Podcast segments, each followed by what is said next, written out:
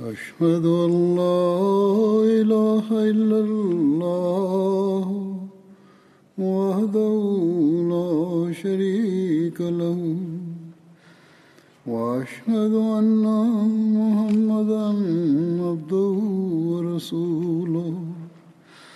أما بعد فأعوذ بالله من الشيطان الرجيم. بسم الله الرحمن الرحيم. الحمد لله رب العالمين. الرحمن الرحيم. مالك يوم الدين. إياك نعبد نستعين اهدنا الصراط المستقيم. صراط الذين أنعمت عليهم. غير المغضوب عليهم ولا الضالين.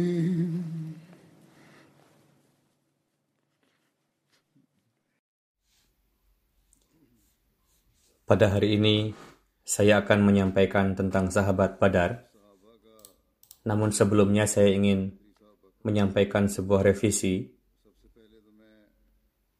Dua khutbah sebelumnya disampaikan tentang Hadrat Muaz bin Jabal. Di sana disampaikan sebuah riwayat musnad Ahmad bin Hambal yang di dalamnya dibahas tentang wabah taun bahwa Rasulullah Sallallahu Alaihi Wasallam bersabda, dekat waktunya kalian akan hijrah ke Syam dan Syam akan ditaklukkan melalui tanganmu. Namun di sana kamu akan terkena penyakit bisul yang akan mencengkeram manusia dari kaki tangga. Di sini terjemahannya kurang pas, ada kekeliruan dan dengan demikian tidak jelas maksudnya. Maka dari itu saya akan sampaikan lagi riwayat dengan terjemahan yang benar.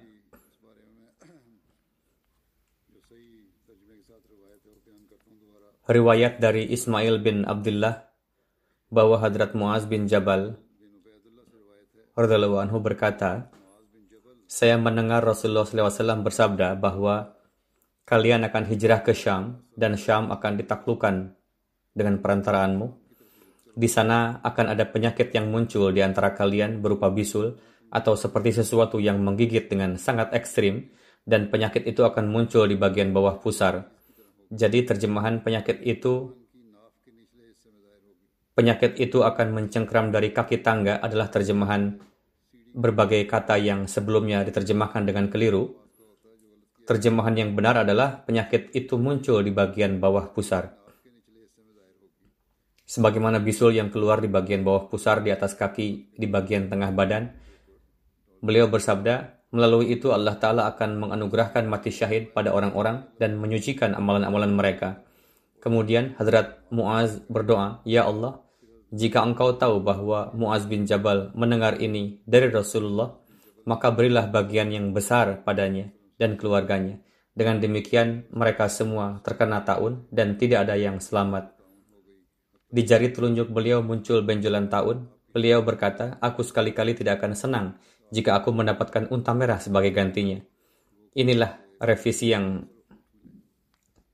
sedang di print di Al-Fazal juga diterbitkan dan di situ sudah diterbitkan dengan revisinya.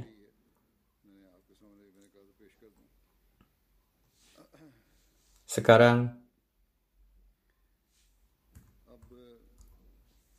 saya akan melanjutkan tentang kisah yang sedang berlangsung sebelumnya itu tentang Hadrat Abdullah bin Amr. Hadrat Jabir bin Abdullah meriwayatkan, pada perang Uhud, ayah saya dibawa ke hadapan Rasulullah dalam keadaan sudah dimutilasi jenazahnya, khususnya telinga dan bagian hidung. Jenazah beliau diletakkan di hadapan Rasulullah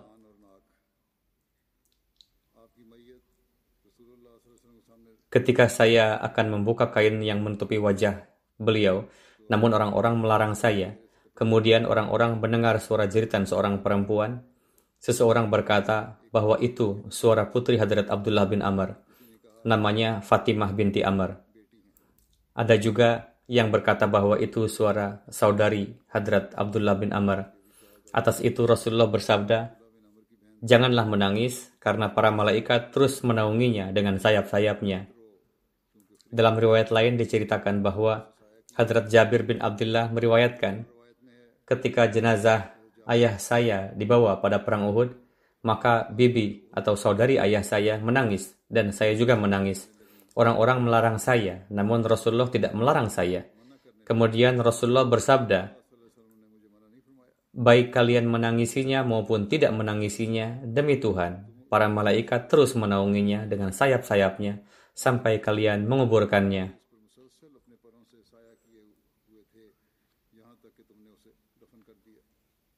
Banyak pendapat tentang salat jenazah para syuhada perang Uhud. Banyak juga terdapat perbedaan pendapat.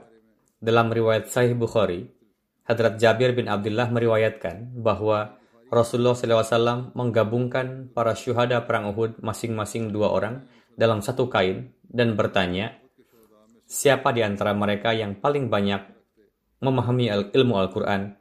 Ketika orang-orang mengisyarahkan pada salah satu dari mereka, maka Rasulullah meletakkan jenazah orang tersebut lebih dulu ke liang lahat, yakni dia lebih dahulu dimasukkan ke kubur.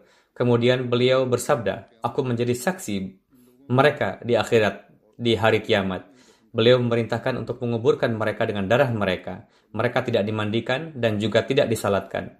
Dalam riwayat lain, Sahih Bukhari, yang sebelumnya juga adalah riwayat Bukhari, Hadrat Uqbah bin Amir meriwayatkan bahwa suatu hari Rasulullah datang dan beliau menyolatkan jenazah para syuhada Uhud. Dalam riwayat lain, Rasulullah menyolatkan jenazah para syuhada Uhud 8 tahun setelah perang Uhud.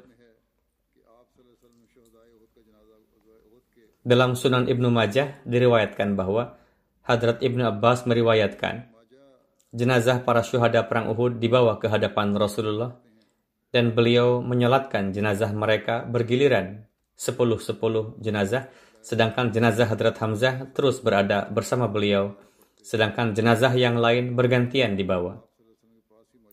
Dalam riwayat Sunan Abu Dawud, Hadrat Anas meriwayatkan bahwa Rasulullah SAW tidak menyolatkan jenazah siapa pun kecuali jenazah Hadrat Hamzah. Dalam Sunan Tirmizi, Hadrat Anas bin Malik meriwayatkan bahwa Rasulullah tidak menyolatkan jenazah para syuhada perang Uhud dalam sirat Ibnu Hisham dan sirat Halbiyah ditulis bahwa Rasulullah menyolatkan jenazah para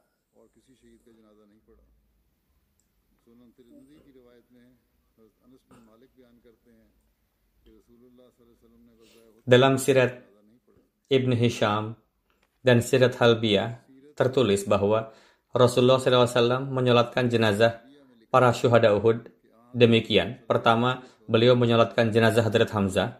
Beliau mengucapkan tujuh takbir dalam salat jenazah. Menurut Sirat Halbiyah, empat takbir. Kemudian ke hadapan beliau dibawa jenazah syuhada lain satu persatu dan diletakkan bersama jenazah Hadrat Hamzah. Lalu beliau menyolatkan jenazah keduanya. Dengan demikian seluruh syuhada disalatkan satu kali, sedangkan jenazah Hadrat Hamzah disalatkan 72 kali, menurut sebagian orang 92 kali. Dalam salah dalam salah satu kitab sirat, Dalailun Nubuwah, ditulis bahwa di samping jenazah Hadrat Hamzah diletakkan sembilan jenazah dan disalatkan. Kemudian kesembilannya diangkat dan dibawa lagi sembilan lainnya. Dengan demikian, seluruh jenazah disalatkan seperti itu. Beliau mengucapkan tujuh takbir di setiap salat jenazah dalam Sirat Halbiyah dan Dalailun Nubuwah dibahas tentang hadis-hadis yang meriwayatkan tentang salat jenazah para syuhada perang Uhud dan di dalam kedua kitab itu tertera riwayat Hadrat Jabir bin Abdullah bahwa Rasulullah memerintahkan untuk menguburkan para syuhada Uhud dengan darah mereka. Mereka tidak dimandikan dan juga tidak disalatkan. Menurut kedua buku itu, riwayat ini dianggap lebih kuat. Hadrat Imam Syafi'i berkata bahwa dari riwayat-riwayat mutawatir dengan kuat diketahui bahwa Rasulullah SAW tidak menyolatkan jenazah para syuhada perang Uhud, sedangkan riwayat-riwayat yang menerangkan bahwa Rasulullah menyolatkan jenazah para syuhada Uhud itu dan mengucapkan takbir dalam salat jenazah Hadrat Hamzah tidaklah benar. Dan sejauh yang berkaitan dengan riwayat Hadrat Uqbah bin Amir bahwa Rasulullah SAW menyolatkan jenazah para syuhada itu 8 tahun kemudian. Dalam riwayat itu disebutkan bahwa ini terjadi 8 setelah 8 tahun kemudian.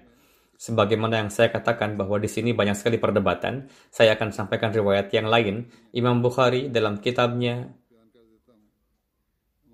menyusun sebuah bab dengan tema Babus Salah ala Syahid, yakni bertema salat jenazah bagi para syuhada.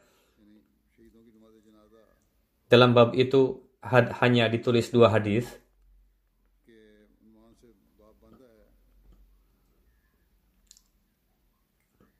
Hadis pertama adalah riwayat Hadrat Abdullah bin Jabir dan di dalamnya dengan jelas disebutkan bahwa jenazah para syuhada perang Uhud tidak dimandikan dan tidak pula disalatkan. Sedangkan hadis yang kedua adalah riwayat Hadrat Uqbah bin Amir yang di dalamnya beliau meriwayatkan bahwa anna Nabi sallallahu alaihi wasallam kharaja yawman fasalli ala ahli Uhudin salatahu alal mayyit. Suatu hari Rasulullah SAW keluar dan beliau salat untuk para syuhada Uhud dengan tata cara salat jenazah. Riwayat inilah yang terdapat dalam hadis Bukhari yang di tempat lain tertera dalam bab perang Uhud. Di dalamnya sahabat meriwayatkan bahwa Salla ala Rasulillah Salla Rasulullah SAW ala qatl Uhudin ba'da thamani sinina kal bil akhi ahya wal amwat yakni Rasulullah SAW salat untuk para syuhada Uhud setelah 8 tahun dan beliau salat seperti mengucapkan selamat tinggal pada orang-orang yang masih hidup atau yang sudah wafat Demikian pula Allama Ibnu Hajar Asqalani berkata tentang yang disampaikan Hadrat Imam Syafi'i. Yang disampaikan Imam Syafi'i maksudnya adalah tidak ada satupun jenazah yang disalatkan di makamnya setelah berlalu masa 8 tahun kewafatannya. Menurut Imam Syafi'i, ketika Rasulullah mengetahui bahwa waktu kewafatan beliau sudah dekat, maka beliau pergi ke, ke makam para syuhada itu dan sambil mengucapkan selamat tinggal, beliau berdoa untuk mereka dan meminta ampunan untuk mereka berkaitan dengan pengafanan dan pemakaman para syuhada perang Uhud dalam sirat Khatamun Nabiyyin, Hadrat Mirza Bashir Ahmad menulis, setelah seluruh jenazah dikumpulkan, maka proses pemakaman pun dimulai. Rasulullah SAW memerintahkan untuk membiarkan para jenazah itu dengan pakaian yang ada di badan mereka, dan para syuhada itu tidak dimandikan. Bahkan kalau kalau ada yang punya kain lebih untuk kafan, maka kain itu dipakaikan di atas pakaian yang mereka pakai. Jenazah pun tidak disalatkan saat itu, dengan demikian, para syuhada itu dikuburkan tanpa dimandikan dan tanpa disalatkan. Dan pada umumnya, dua sahabat dibungkus dengan satu kafan dan dimakamkan dalam satu kubur. Sahabat yang paling banyak mengetahui Quran Syarif sesuai dengan perintah Rasulullah dimasukkan terlebih dahulu ke liang lahat. Kemudian beliau radhiyallahu anhu menulis Meskipun saat itu jenazah tidak disalatkan, namun kemudian di saat kewafatannya sudah dekat, Rasulullah secara khusus menyalatkan jenazah para syuhada Uhud. Beliau beristimbat dari berbagai kitab sejarah. Bisa saja memang disalatkan atau bisa juga hanya didoakan. Namun bagaimanapun juga Rasulullah menyalatkan jenazah mereka dengan penuh lirih dan berdoa untuk mereka dengan penuh lirih. Bisa saja mereka hanya doakan sebagaimana sudah disampaikan sebelumnya. Beliau SAW pergi ke tempat, ke setiap makam mereka, lalu berdoa dan berdoa dengan penuh lirih untuk mereka. Hadrat Jabir bin Abdullah meriwayatkan, enam bulan pasca perang Uhud, saya membuatkan kuburan untuk ayah saya, lalu menguburkan jenazah ayah saya di dalamnya, dan saya tidak melihat perubahan pada jasad ayah saya, kecuali beberapa helai janggut yang menempel ke tanah. Dalam riwayat lain dikatakan, Hadrat Jabir bin Abdullah meriwayatkan, pada saat perang Uhud, dalam satu kuburan dikuburkan dua jenazah, bersama jenazah ayah saya pun dikuburkan seorang sahabat lagi. Setelah berlalu masa enam bulan, timbul keinginan dalam hati saya untuk menguburkan jasad ayah saya secara terpisah dalam satu kuburan. Lalu saya mengeluarkan jasad ayah dari kuburannya. Saya melihat tidak ada perubahan pada jasad ayah, kecuali hanya sedikit saja pada daging beliau. 46 tahun pasca perang Uhud, Hadrat Amir Muawiyah pada masa kekhalifahannya mengalirkan sungai yang airnya merembas ke kuburan para syuhada Uhud. Air juga memasuki kuburan Hadrat Abdullah bin Amru dan Hadrat Amru bin Jamu. Ketika kuburan mereka digali, di dalamnya terdapat dua kain dan perawi mengatakan bahwa terdapat luka pada wajah beliau, begitu juga pada tangan beliau. Adapun riwayat berikutnya, bagaimanapun tidak mungkin. Memang saya sampaikan di sini, namun tidaklah mesti kita meyakini sepenuhnya karena tertulis dalam beberapa kitab sejarah bahwa dan sebagian pembaca juga menelaah untuk itu tujuan disampaikan di sini semata-mata bahwa mungkin saja isinya dilebih-lebihkan. Di sini dikatakan bahwa ketika bagian luka diangkat, darah mengalir, dan itu tidaklah mungkin. Setelah tangannya diletakkan kembali pada posisinya, lalu darah berhenti mengalir. Riwayat-riwayat yang mustahil seperti ini terkadang masuk juga. Jabir bin Abdullah meriwayatkan, saya melihat jasad ayah saya di kuburan, nampak seperti sedang tertidur, padahal ketika jasadnya dikeluarkan enam bulan kemudian nampak perubahan pada daging jasad ayah beliau. Lantas tidaklah mungkin jika 46 tahun kemudian masih utuh-utuh saja, tidak nampak tulang. Perubahan seperti itu sifatnya alami. Jika memang demikian, tidaklah mungkin.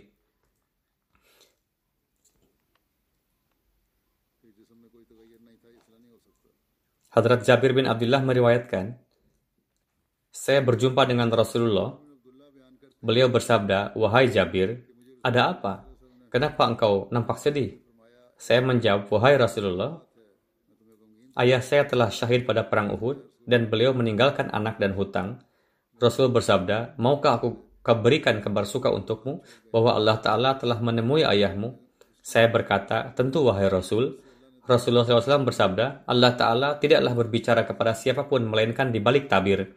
Namun Allah Ta'ala telah menghidupkan ayahmu kembali lalu berbicara berhadapan-hadapan dengan beliau dan berfirman, Wahai hambaku, mintalah padaku, aku akan berikan. Beliau berkata, Wahai Tuhanku, mohon hidupkanlah aku kembali, supaya aku dapat terbunuh lagi di jalanmu, dalam riwayat lain, pada saat itu Hadrat Abdullah berkata, Wahai Tuhanku, aku tidak memenuhi hak untuk beribadah kepadamu. Aku ingin supaya engkau mengirimku kembali ke dunia, supaya aku dapat bertempur di jalan engkau bersama dengan nabimu dan terbunuh lagi di jalanmu. Allah telah berfirman, Aku telah memutuskan bahwa barang siapa yang telah mati, maka ia tidak akan dikirimkan lagi ke dunia ini. Hadrat Abdullah bin Amru memohon kepada Allah Ta'ala, Wahai Tuhanku, mohon sampaikanlah hal ini kepada orang-orang yang masih hidup, pada saat itu Allah Ta'ala menurunkan ayat وَلَا تَحْسَبَنَّ الَّذِينَ قُتِلُوا فِي سَبِيلِ اللَّهِ أَمْوَاتًا بَلْ أَحْيَاءٌ عِنْدَ رَبِّهِمْ يُرْزَقُونَ Artinya, janganlah kamu mengira bahwa orang-orang yang gugur di jalan Allah Ta'ala itu mati. Bahkan mereka itu hidup di sisi Tuhannya dengan mendapatkan rezeki.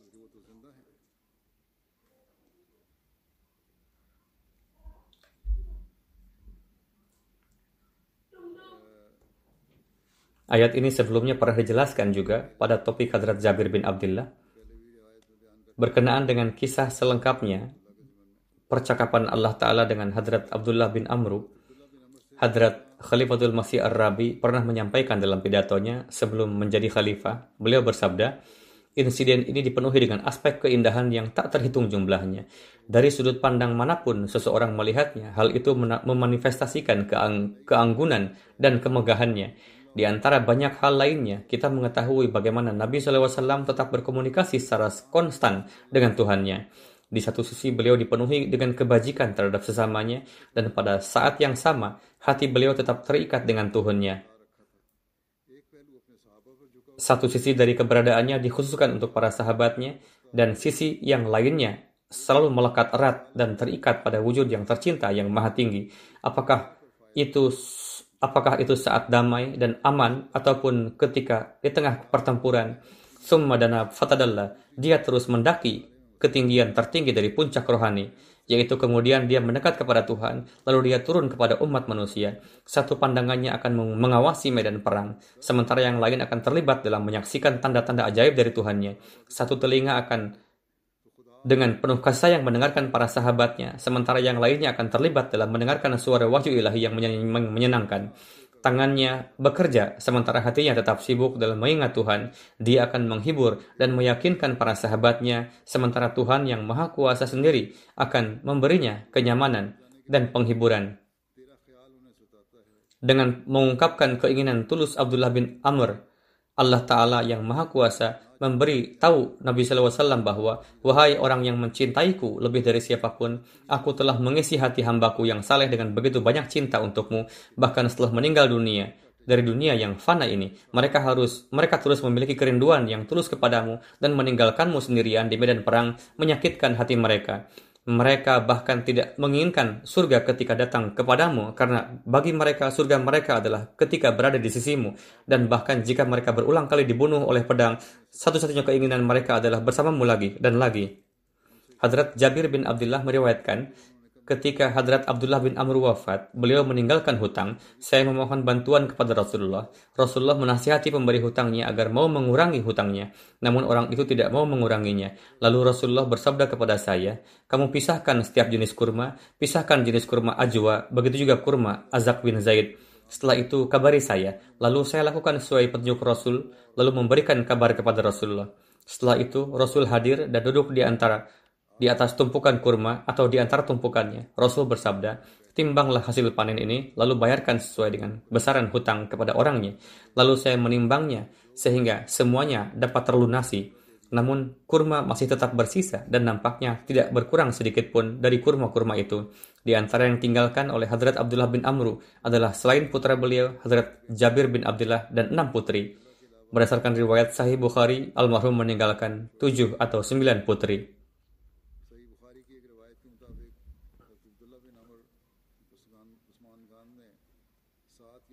Sahabat berikutnya yang akan saya sampaikan adalah Hadrat Abu Dujana. Sim Simak bin Kharsha. Beliau berasal dari Ansar, kabilah Khajraj, Renting Banu Sa'idah. Ayahanda beliau bernama Kharsha. Menurut sebagian lagi bernama Os. Kakek beliau berkata bernama Kharsha. Ibunda beliau bernama Hazmah binti Harmalah. Nama panggilan beliau yakni Abu Dujanah lebih dikenal daripada nama beliau. Satu putra beliau yang bernama Khalid, yang ibunya bernama Aminah binti Amru. Hadrat Utbah bin Ghazwan ketika hijrah dari Mekah dan sampai di Madinah, Rasulullah menjalinkan persaudaraan antara beliau dengan Hadrat Abu Dujana. Hadrat Abu Dujana ikut serta pada perang Badar, Uhud, dan seluruh peperangan lainnya bersama dengan Rasulullah. Beliau terhitung sebagai sahabat besar Ansar dan mendapatkan makom yang tinggi dalam peperangan bersama dengan Rasulullah. Hadrat Abu Dujana menampilkan keberanian dalam peperangan dan mahir dalam berkuda. Beliau memiliki kain berwarna merah yang hanya beliau gunakan pada peperangan saja. Ketika beliau mengenakan kain merah tersebut, orang-orang dapat mengetahui bahwa beliau telah siap untuk bertempur. Beliau terhitung di antara para sahabat pemberani. Muhammad bin Ibrahim meriwayatkan dari ayahnya bahwa Hadrat Abu Dujana dikenal dengan kain ikat kepala yang berwarna merah dan pada perang Badar pun beliau mengenakan itu. Muhammad bin Umar berkata, Hadrat Abu Dujana ikut serta pada perang Uhud dan tetap teguh di sekitar Rasulullah dan telah bertekad untuk rela mati dalam melindungi beliau. Pada perang Uhud, beliau dan Hadrat Mus'ab bin Umair menjaga Rasulullah dengan sekuat tenaga. Hadrat Abu Dujana terluka parah sementara Hadrat Mus'ab bin Umair syahid pada perang tersebut. Hadrat Anas meriwayatkan, pada perang Uhud, Rasulullah SAW memegang pedang dan bersabda, Mayyakhud minni hadha, siapa yang akan mengambil pedang ini dariku? Kesemuanya menjulurkan tangannya dan setiap orang berkata, saya, saya. Rasul bersabda, famay ya'khud bihaqqihi siapa yang akan mengambilnya dengan memenuhi haknya Hadrat Anas berkata, orang-orang terhenti. Setelah itu, lalu Hadrat Simak bin Kharsyah Abu Dujana berkata, saya akan mengambilnya dengan memenuhi haknya. Hadrat Anas berkata, lalu Hadrat Abu Dujana mengambil pedang tersebut, lalu menggunakannya untuk menumbangkan pasukan musyrik. Riwayat Muslim. Dalam riwayat lainnya dikatakan, Hadrat Abu Dujana bertanya, apa haknya? Rasul bersabda, jangan menggunakan pedang ini untuk membunuh orang muslim dan janganlah melarikan diri dari pasukan kafir dalam keberadaannya, yakni jangan mundur. Hadrat Abu Dujana berkata, saya akan ambil pedang tersebut dengan memenuhi haknya. Ketika Rasulullah memberikan pedang tersebut kepada Rasulullah, kepada Abu Dujana, lalu beliau menggunakannya untuk memenggal kepala pasukan musyrik. Pada saat itu beliau membacakan syair berikut, analladhi akhadhani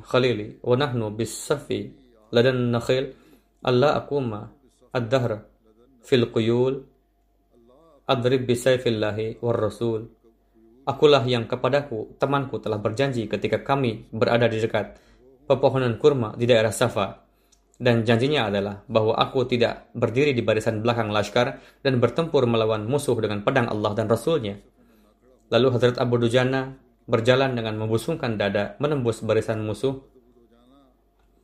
Melihat itu Rasulullah bersabda, Inna hadhihi misyatun yubghiduha Allah azza wa jal illa fi hadzal maqam. Langkah seperti itu tidaklah disukai oleh Allah Ta'ala kecuali pada saat itu, yakni pada kesempatan perang tersebut. Hadrat Zubair bin Awam meriwayatkan, Rasulullah SAW pada perang Uhud memberikan pedang dan bersabda, "May ya'khudh hadha saifi bihaqqihi." yakni siapa yang akan mengambil pedang ini dengan memenuhi haknya. Hadrat Zubair berkata, saya berdiri dan berkata, Wahai Rasulullah, saya. Rasulullah SAW menolak saya. Rasulullah bersabda, siapa yang akan mengambil pedang ini dengan memenuhi haknya? Saya berdiri dan berkata, Wahai Rasulullah, saya. Rasul menolak saya. Rasulullah bersabda, siapa yang akan mengambil pedang ini dengan memenuhi haknya? Hazrat Abu Dujana, Simak bin Kharsa, Kharsha, berdiri dan berkata, Wahai Rasulullah, saya akan ambil pedang tersebut dan memenuhi haknya. Apa haknya? Rasul bersabda, jangan gunakan pedang ini untuk membunuh orang muslim dan janganlah melarikan diri dari pasukan kafir dalam keberadaannya, yakni janganlah mundur. Hazrat Zubair berkata, setelah itu Rasulullah memberikan pedang tersebut kepada Abu Dujana, Adapun Abu Dujana ketika berniat untuk pergi berperang, beliau ikatkan kain merah di kepala. Hadrat Zubair berkata, saya berkata, pada hari ini saya akan melihat bagaimana Abu Dujana akan memenuhi haknya. Hadrat, Ab Hadrat Zubair berkata, siapa pun musuh yang ada di hadapannya, beliau bunuh dan terus bergerak maju sampai-sampai beliau menembus barisan musuh dan sampai di area kumpulan wanita yang tengah menabuh tetabuhan di lereng bukit. Salah satu wanita di antaranya berkata, ia membacakan syair terjemahnya sebagai berikut. Kami adalah putri-putri bintang pagi yang berjalan di awan. Jika kamu bergerak maju, kami akan menyambut kalian dan akan memasang bantal untuk duduk. Namun jika kalian berpaling mundur, maka kami akan berpisah dari kalian. Ini merupakan perpisahan yang mana tidak akan tersisa lagi jalinan kecintaan di antara kita. Hazrat Zubair berkata, saya melihat Abu Dujana mengangkat tangannya untuk menebaskan pedang kepada seorang wanita, namun terhenti. Setelah perang berakhir, saya bertanya padanya, saya melihat seluruh pertempuranmu. Tadi kamu sempat mengangkat tangan terhadap seorang wanita, namun diturunkan lagi. Apa sebabnya? Beliau menjawab, Demi Tuhan, aku menghormati pedang Rasulullah. Tidaklah mungkin bagiku untuk membunuh wanita menggunakan pedang tersebut. Untuk itulah aku menghentikannya. Dalam riwayat lain dikatakan, wanita tersebut adalah Hindun, istri Abu Sufyan, yang tengah menyanyi, menyanyikan lagu-lagu bersama dengan para wanita lainnya. Ketika Hadrat Abu Dujana mengangkat pedangnya atas Hindun, Hindun berteriak untuk meminta pertolongan. Berkata, Wahai Sahar, namun tidak ada yang datang untuk menolongnya. Abu Dujana menurunkan pedangnya lalu pulang. Ketika ditanya Hadrat Zubair berkata, Aku tidak suka membunuh wanita menggunakan pedang Rasulullah, yang mana tidak ada yang menolongnya pada saat itu. Dalam menjelaskan kisah Abu Dujanah tersebut, Hadrat Mirza Bashir Ahmad menjelaskan dalam buku Sirat Khatamun Nabiyyin, Ketika pasukan Quraisy terpaksa menanggung kekalahan dalam pertempuran, kaum kufar melihat pemandangan itu menjadi naik hitam. Pasukan muslim pun sambil meneriakkan takbir berderap maju, lalu terjadilah pertempuran antara kedua pasukan. Lebih kurang pada saat itulah Rasulullah mengambil pedangnya dan bersabda, siapa yang akan mengambil ini dan memenuhi haknya. Banyak sekali di antara para sahabat yang menjulurkan tangannya, di antaranya Hadrat Umar, Hadrat Zubair, Bahkan menurut beberapa riwayat, Hadrat Abu Bakar dan juga Hadrat Ali. Namun Rasulullah tidak memberikannya. Melainkan terus bersabda, siapakah yang akan mengambilnya dan memenuhi haknya? Akhirnya Hadrat Abu Dujanah menjulurkan tangan dan memohon, Wahai Rasulullah, mohon berikanlah kepada saya. Rasul memberikan pedang tersebut kepadanya, lalu Abu Dujanah mengambil dan membawanya dengan jalan tegap yakni dengan penuh kebanggaan, terus berderap maju menuju pasukan-pasukan kufar. Rasul bersabda kepada para sahabat,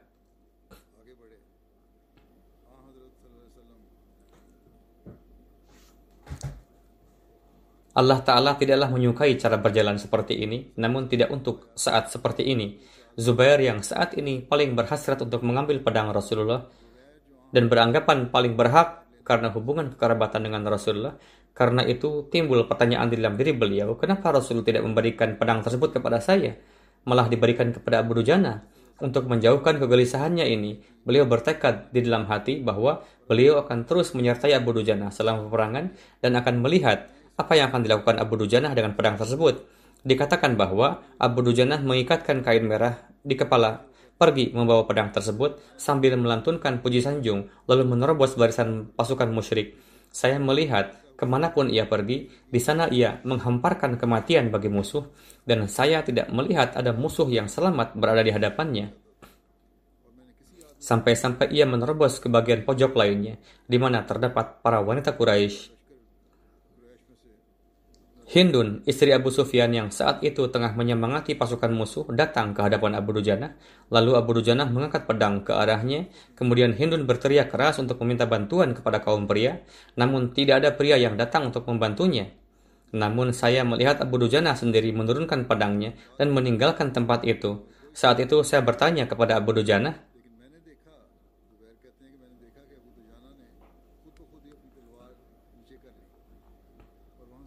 Apa sebabnya pada awalnya kamu mengangkat pedang untuk wanita itu, lalu menurunkannya lagi?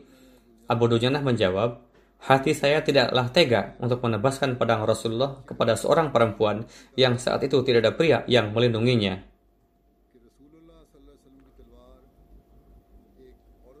Zubair berkata, saat itu saya beranggapan memang benar hak yang telah dipenuhi oleh Abu Dujana terhadap perang Rasul pedang Rasulullah, mungkin aku tidak dapat memenuhinya. Setelah itu, rasa penasaran saya hilang. Hadrat Khalifatul Masih yang kedua menjelaskan kisah tersebut. Beliau bersabda, pada perang Uhud, Rasulullah memberikan sebuah pedang dan bersabda, saya berikan pedang ini kepada orang yang bertekad untuk memenuhi haknya. Banyak sekali orang yang ingin mengambil pedang tersebut, namun Rasul memberikan pedang tersebut kepada Abu Dujana Ansari. Dalam pertempuran di satu tempat, beberapa pasukan Mekah menyerang Abu Dujana ketika beliau bertempur dengan mereka. Saat itu beliau melihat ada seorang pasukan dengan penuh semangat ambil bagian dalam pertempuran. Beliau, yakni Abu Dujana, mengangkat pedang kepada orang itu, namun akhirnya meninggalkannya dan kembali. Salah seorang kawan beliau bertanya,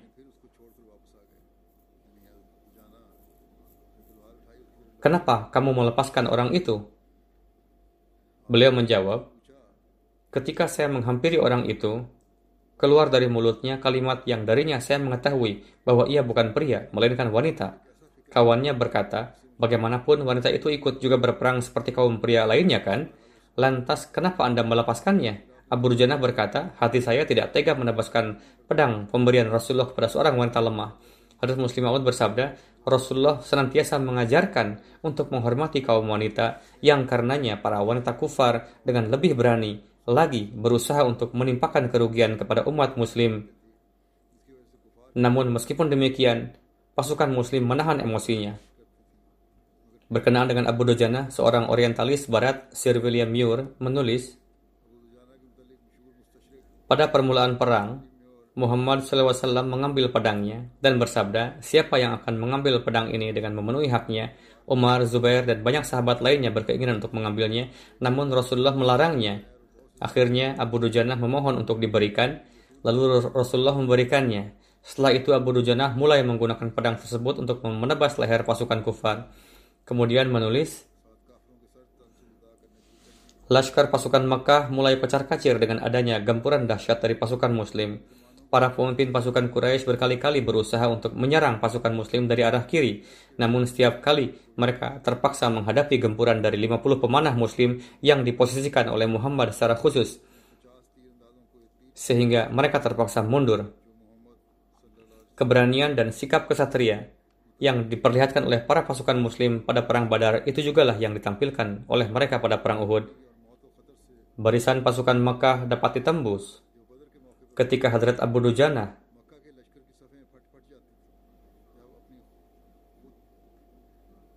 mengikatkan kain Mekah di kepala lalu menyerang musuh dengan menggunakan pedang yang diberikan oleh Muhammad. Keempat penjuru, seolah-olah beliau menghamparkan kematian. Begitu juga Hamzah dengan mengenakan bulu burung unta di kepala nampak mencolok di setiap tempat. Ali dengan mengenakan kain kepala yang panjang dan putih Begitu juga Zubair dengan mengenakan sorban yang berwarna terang, berkilau dengan penuh gagah berani, ke mana pun pergi, membawa pesan kematian dan kabar duka bagi musuh.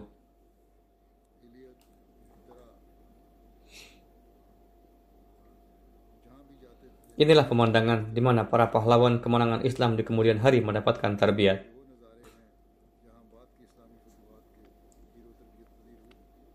Hazrat Ibnu Abbas meriwayatkan,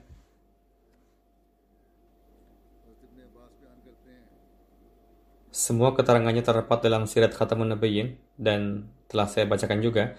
Hadrat Ibnu Abbas meriwayatkan, ketika Rasulullah kembali dari Uhud, beliau memberikan pedangnya kepada putri beliau, Fatimah, dan bersabda, Wahai putriku, bersihkanlah pedang ini dari, dari darah.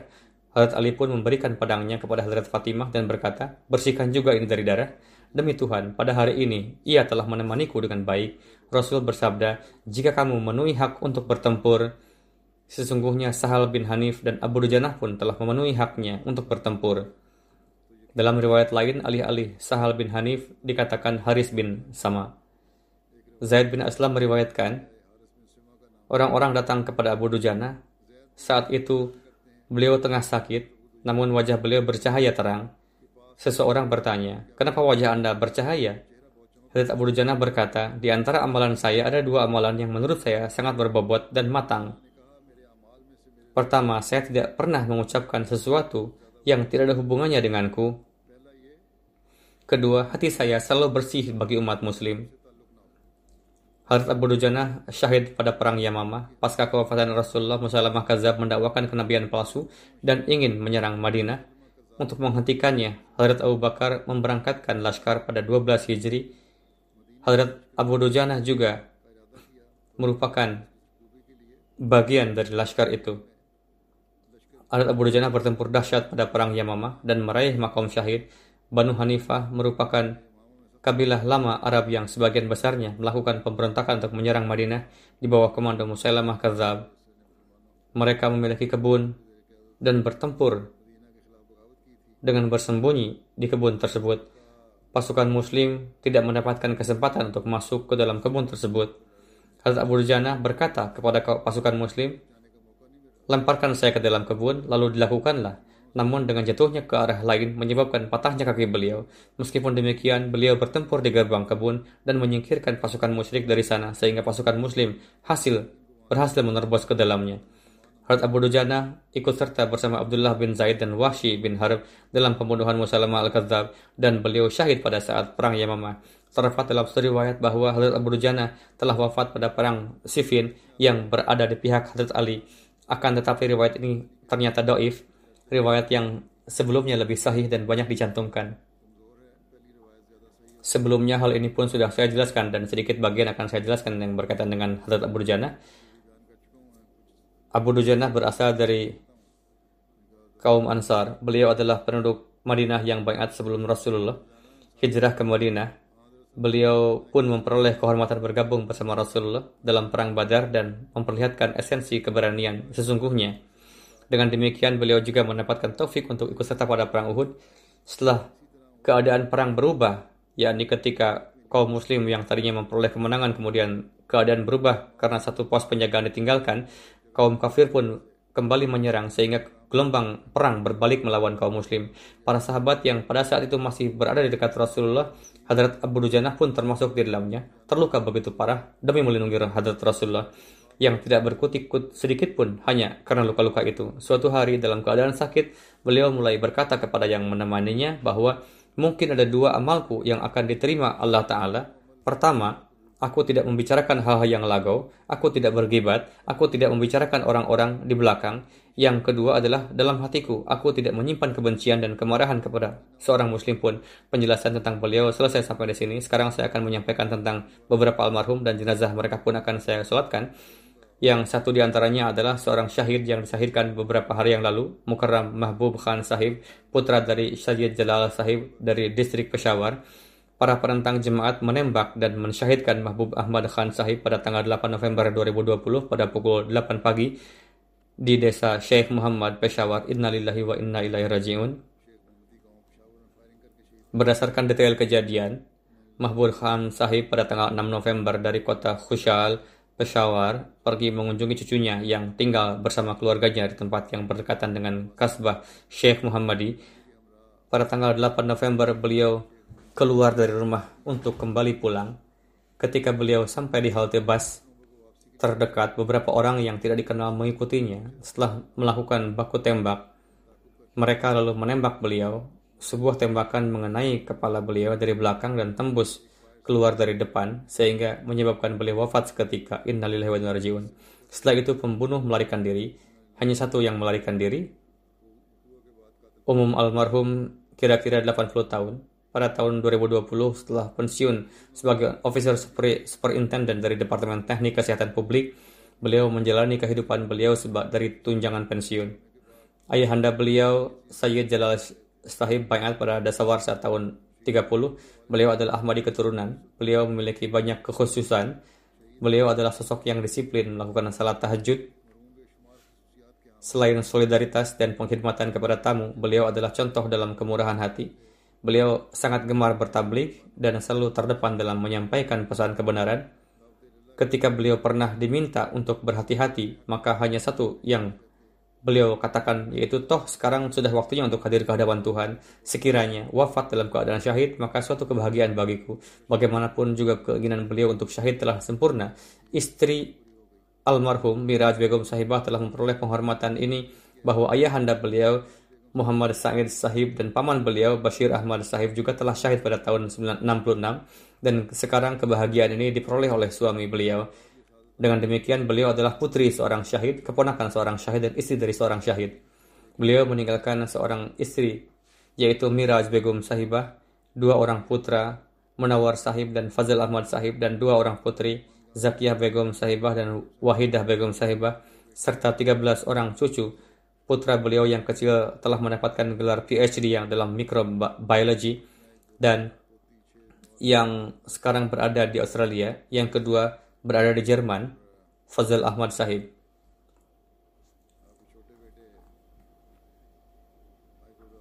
Beliau juga lulusan MA dalam bahasa Inggris. Putra beliau Munawar Khan Sahib mengutarakan bahwa Almarhum sangat memperhatikan lingkungannya supaya bisa tinggal dengan aman dan tentram. Beberapa kali beliau pun rela bercucuran darah hanya untuk melerai dua kelompok yang berseteru. Beliau selalu siap setiap hari untuk membantu orang-orang miskin dan gelandangan. Tanpa ragu orang-orang merujuk kepada beliau untuk keperluan diri mereka dan untuk membantu mereka. Beliau selalu menyiapkan dana dan pangan se sekemampuannya. Beliau adalah sosok yang sangat rendah hati dan pendiam, sosok yang sangat sabar dan peka terhadap penderitaan orang lain dan sedia setiap saat untuk membantu mereka. Semoga Allah telah selalu meninggikan derajat almarhum dan memberikan taufik kepada orang-orang yang beliau tinggalkan untuk meneruskan kebaikan-kebaikan beliau. Jenazah yang kedua adalah Fakhr Ahmad Farooq Sahib, seorang murabi silsilah di Pakistan. pada tanggal 1 November 2020 sekitar pukul 6.15 menit sore mengalami kecelakaan ketika menemani putra beliau Ihtisham Abdullah yang datang dari Ahmad Nagar. Beliau wafat ketika datang dari Ahmad Nagar. Innalillahi wa inna ilaihi raji'un.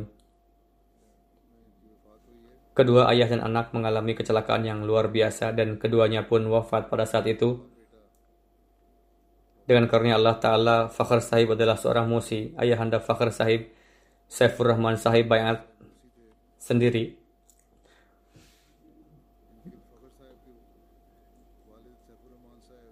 Dulu dalam keluarga beliau tidak ada satu pun Ahmadi. Kemudian pada tahun 68 beliau berbayat dan menjadi Ahmadi yang pertama dalam keluarganya.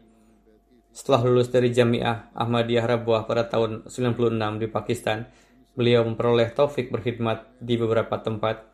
Kemudian Fakhr Sahib diutus bertugas ke negara Pantai Gading, Afrika Barat dan sejak 8 tahun yang lalu mendapatkan taufik bertugas sebagai murabi sisilah di Ahmad Nagar beliau menikah dengan Tahira Fakhr Sahiba, putri Ali Asghar Sahib.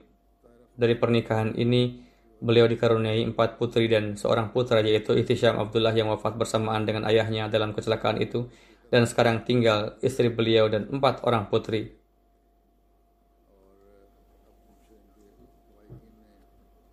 Selain itu, ibunda dan saudara saudari beliau. Putri-putri beliau adalah Wajiha, Ahmad Sabu, Azizah, Khafiyah, Samrin, Fakhr, Mahrin, Fakhr. Istri beliau Tahirah Sahibah menulis bahwa saat menikah, Murabi Sahib ditetapkan bertugas di sebuah desa yaitu Khushab. Ketika saya pergi ke pusat di sana, maka beliau memberitahukan dan menjelaskan kepada saya tentang kewajiban-kewajiban istri seorang mubalik dengan mengatakan bahwa kamu sekarang berdiri bersama saya dan kamu juga harus maju mengambil bagian dalam pekerjaan-pekerjaan jemaat seperti tarbiyat. Kemudian beliau dipindahkan ke Badin. Murabbi saya berangkat lebih dahulu dan setelah beberapa lama baru berangkat dan berkata, pada hari ketika saya sampai di sana, saya pun terlebih dahulu diberitahukan. Akan tetapi, ketika saya pergi ke sana, Murabi Murabi Sahib tidak berada di rumah. Saya terus duduk di luar masjid di bawah terik matahari. Kabarnya bahwa istri seorang mu'alim sedang sakit dan membutuhkan darah, maka beliau pergi untuk mendonorkan darah beliau. Ketika pulang, saya pun bertanya kepada beliau bahwa aku duduk di luar, di bawah terik. Anda tahu bahwa saya datang hari ini setelah menempuh perjalanan yang panjang. Beliau menjawab bahwa itu juga pekerjaan yang sangat penting. Kemudian beliau menjelaskan kepada saya bahwa dalam keadaan seperti demikian kita harus berkorban. Ketika beliau pergi ke Pantai Gading, di sana beliau juga tetap banyak melakukan pekerjaan khidmat khalak bersama dengan pengkhidmatan terhadap agama serta selalu membimbing istri dan anak-anak kepada agama. Istri beliau mengutarakan bahwa suatu kali kondisi kesehatan saya sangat buruk saat akan melahirkan seorang anak perempuan. Murabi Sahib pergi untuk melaksanakan bakti sosial untuk pengobatan. Dokter memberitahukan bahwa kondisi sudah mengkhawatirkan, akan tetapi Pak Mubalik pergi meninggalkan saya. Hanya ini yang beliau katakan bahwa Allah Ta'ala akan menganugerahkan karunia-Nya. Kamu adalah istri seorang wakaf zindagi. Kamu tidak akan apa-apa. Demikianlah Murabi Sahib selalu mengedepankan urusan-urusan agama di atas urusan-urusan duniawi. Beliau adalah seorang pengkhidmat tamu, pengkhidmat kemanusiaan dan pengkhidmat agama paling penyayang dari yang lainnya. Dengan anak-anak beliau menjalin hubungan persahabatan. Apabila ada masalah, baik itu keluarga, jemaat, atau dengan orang-orang Gair Ahmadi, beliau menjelaskan dengan sangat senang hati. Beliau juga selalu menasihati anak-anak bahwa kalian adalah anak-anak seorang wakaf sindagi dan anak-anak seorang mubalik. Oleh karena itu, prioritaskanlah selalu agama di atas dunia dan tampilkanlah selalu contoh kalian yang baik. Wasif Sahib Mubalik Pantai Gading mengutarakan bahwa saat Fakhr Sahib datang ke Pantai Gading bersama Mubalik, beliau adalah orang yang sangat murah senyum. Perkara yang khas dari kepribadian beliau adalah pribadi yang menarik untuk diajak bicara. Dengan siapa saja bertemu, maka mereka akan mengajak beliau berbicara. Selama lima tahun beliau berkhidmat sebagai mubalik di Kabupaten Ome, dan karena keindahan akhlak dan solidaritas beliau, setiap orang menjalin hubungan dengan beliau dan selalu menyebut nama beliau. Beliau juga dulu selalu diam dia membantu beberapa orang miskin meng mengongkosi mereka untuk berangkat ke Jalsa Salna dan berkata selama masa beliau tinggal kabupaten beliau selalu awal dalam kehadiran seorang mualim lokal di sana Sumaru Harun mengatakan bahwa saya berkhidmat dengan beliau selama dua setengah tahun. Beliau memperhatikan saya layaknya seorang adik. Hal yang saya catat dengan khusus bahwa beliau adalah seorang mubalik yang sangat rajin dan bersemangat. Beliau selalu melaksanakan tugas beliau dengan penuh tanggung jawab dan keseriusan. Seorang yang selalu cepat dalam menyempurnakan pekerjaannya, baik itu bertablik, mengumpulkan candah, dan persiapan jasa. Dalam hal pertabligan, beliau menginginkan bahwa pesan jemaat harus cepatnya sampai di setiap desa. Semoga Allah telah meningkatkan derajat almarhum. Jenazah yang ketiga adalah putra Murabi Sahib Fakhr Ahmad Faruk Ihtisham Ahmad Abdullah. Sebagaimana yang telah saya beritahukan tadi bahwa beliau wafat bersama ayahandanya dalam kecelakaan lalu lintas. Dengan karunia Allah Ta'ala, beliau termasuk di dalam gerakan beberkat Wakfenau dan belajar di tahun pertama. Beliau bukanlah seorang musi, tetapi telah mengisi formulir wasiat, hanya saja tidak mengumpulkannya dengan demikian bisa diproses di Karpardas apabila formulir telah diisi. Ibunda beliau mengatakan bahwa anakku memiliki banyak sekali kebaikan. Anak yang saleh dan taat.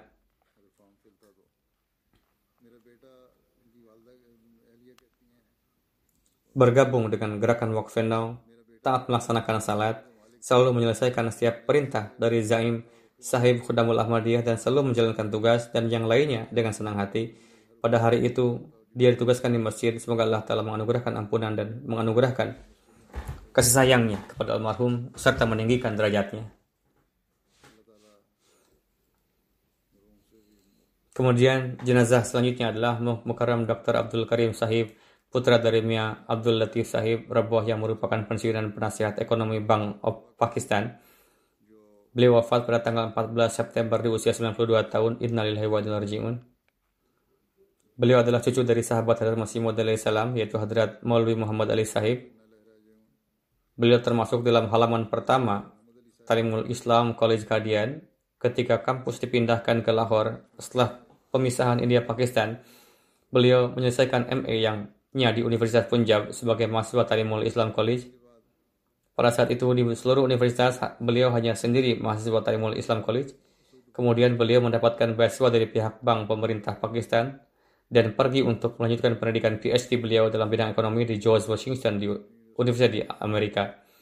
Di sana pun beliau ditempatkan di Masjid Fazal dan di sana beliau juga sibuk dalam aktivitas pertabligan. Beliau begitu mencintai Pakistan. Dalam karirnya beliau meskipun bekerja secara permanen bersama organisasi internasional seperti Bank Dunia, Beliau selalu memilih untuk tinggal di Pakistan. Beliau bekerja di State Bank of Pakistan dalam masa yang lama dan pensiun sebagai konsultan atau penasihat. Dalam masanya, beliau telah banyak sekali menyukseskan tugas-tugas dalam negara dan luar negeri bersama organisasi-organisasi seperti IMF dan Asian Development.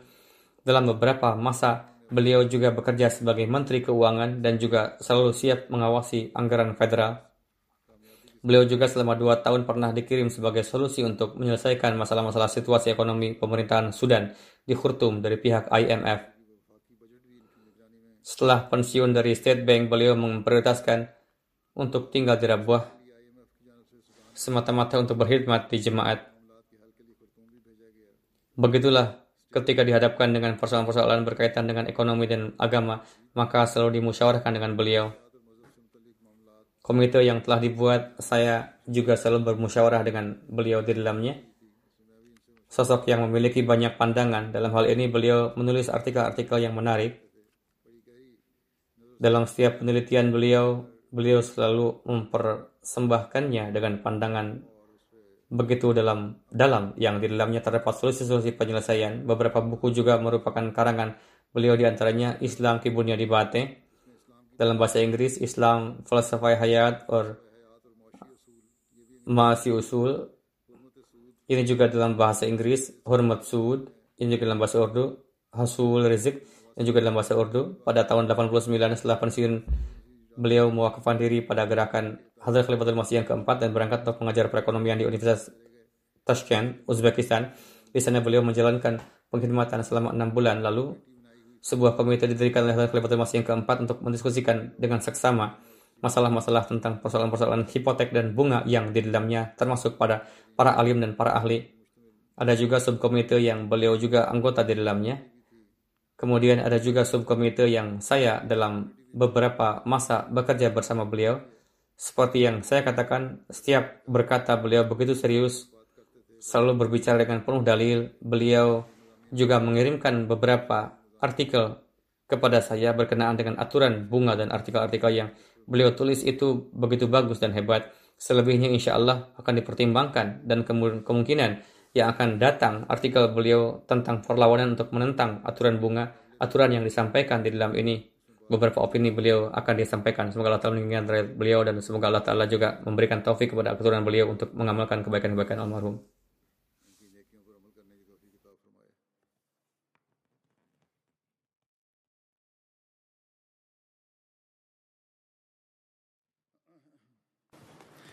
الحمد لله الحمد لله نحمده ونستعينه ونستغفره ونؤمن به ونتوكل عليه. ونعوذ بالله من شرور أنفسنا ومن سيئات أعمالنا. من يهده الله فلا مضل له ومن يضلله فلا هادي له. ونشهد أن لا إله إلا الله. ونشهد أن محمدا عبده ورسوله. عباد الله رحمكم الله. إن الله يأمر بالعدل واللسان وإيتاء ذي القربى. وينهى عن الفحشاء والمنكر والبغي يعظكم لعلكم تذكرون. اذكروا الله يذكركم وذوه يستجب لكم ولذكر الله أكبر.